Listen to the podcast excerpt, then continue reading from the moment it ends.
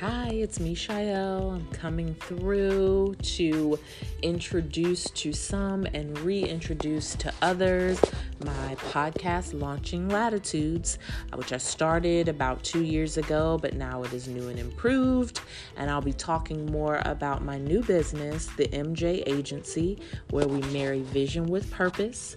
And I work as a certified life coach. So I am excited. I am amped to work with you all and to help you with any barriers that you may think exist in your world that may not allow you to get to the next step in your journey. So I am your coach, MJ, working with you, ready, willing, able, and certified to get you there. So stick around. There'll be a new episode coming through soon. Bye.